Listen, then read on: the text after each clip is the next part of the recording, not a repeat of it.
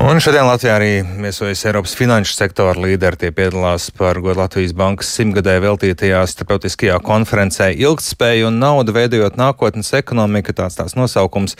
Starp viesiem Eiropas centrālās bankas prezidenta Kristīna Lagārda, Eiropas komisijas priekšētājs izpildvietnieks Valds Dombrovskis, vairāk Eiropas valstu banku prezidenti un Eiropas centrālās bankas padomas locekļi. Bet šobrīd esmu sasniedzis Latvijas bankas padomnieku Andris Strazdulu. Labrīt! Labrīt! Jā, neapšaubāmi augsti viesi, praktiski tie, kur stūrē Eiropas monetāro politiku. Šīs dienas konferences vairāk par Latvijas tautsēmniecību vai ar tādu plašāku skatījumu? Uh, jā, šodien, protams, mēs kļūstam par tādu Eiropas finanšu centru uz vienu dienu, un tad, protams, tas skatījums attiecīgi plašāks uz, uz Eiropu un varbūt pat vēl plašāk uz pasauli kopumā. Uh, Un uh, tie temati, nu, galvenokārt trīs. Pirmais, protams, šobrīd eirozonas izaicinājumi, tā skaitā, protams, augstā inflācija, bet arī, lai ikdienas, teiksim, tādu uh, izaicinājumu tajā, varbūt, uh, dunā nepazaudētu arī lielo bildi, tad uh, divi, divi pārējie temati ir attiecīgi par uh, ilgtspējīgu ekonomiku, ja, nu, šo saucamo za zaļo ekonomiku vai zaļo kursu un pēc tam arī pēcpusdienā par tehnoloģiju attīstību, kā tā ietekmē naudu, tā skaitā naudas formu un, un, un būtību, un kas tur gaidāms nākotnē, nu, un, protams, arī kas, kas mums pašiem būtu jādara, lai to nākotni veiksmīgāk un ātrāk atvestu šeit. Jā, cik lielā mērā šodien runātais var ietekmēt, atstāt iespēju uz turpmākiem lēmumiem, piemēram, Eiropas centrālajā bankā?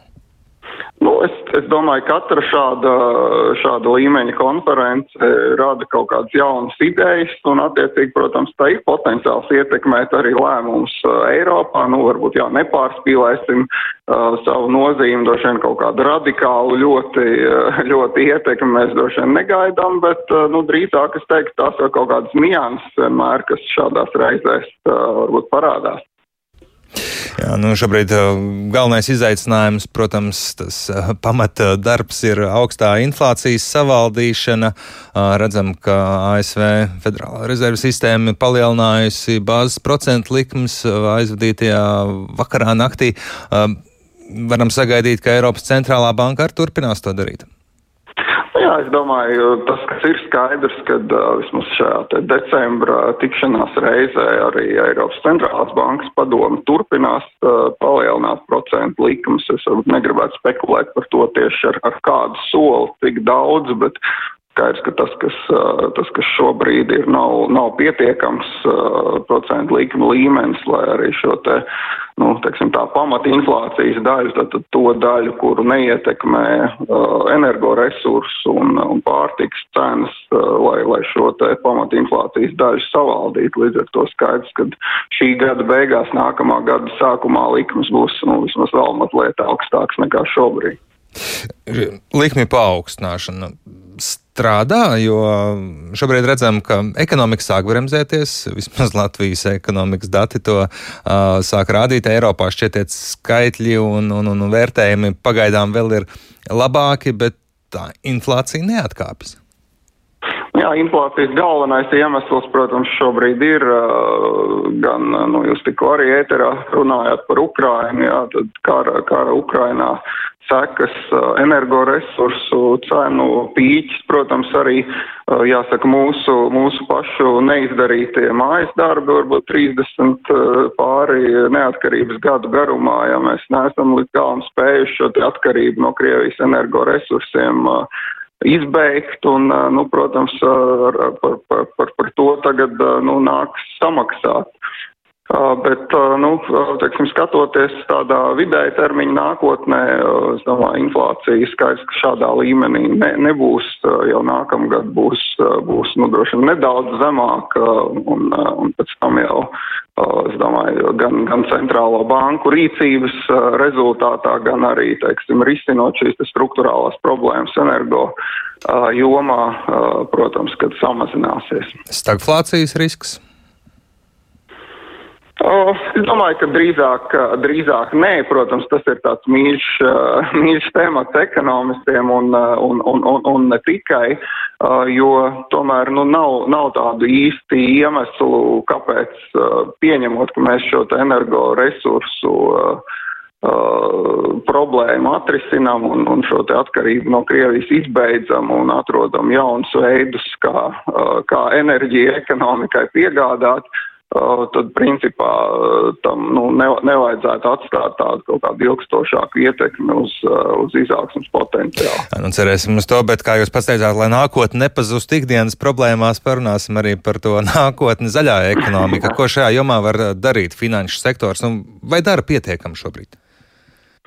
Nu, finanšu sektors, protams, līdzīgi kā arī, es domāju, pārējie, pārējie uzņēmēji un arī publiskais sektors joprojām, teiksim tā, tur ir vairāk, vairāk jautājumu nekā atbilžu, bet viena lieta, ko, ko protams, finanšu sektors dara, ir cenšas arī, nu, ja varbūt, teiksim, kaut kādus no gadus atpakaļ mēs runājam par to, kā varētu finansēt tagad uh, tikai jaunās uh, progresīvās zaļās lietas un, un kā varētu samazināt un sadārdzināt finansējumu uh, brūnajam un uh, Un tātad izmešas radošajiem, tad šobrīd uh, finanšu sektors faktiski jau runā tieši par to, kā palīdzēt šai lielākai daļai ekonomikas, uh, kas ir, nu, tomēr tajā nosacīt brūnajā sektorā un šos te izmešas rada, kā palīdzēt šai ekonomikas daļai transformēties, uh, pār, pārveidoties ilgtspējīgā formā. Uh, Nu, tā, man liekas, ir tāda pēdējo, pēdējo gadu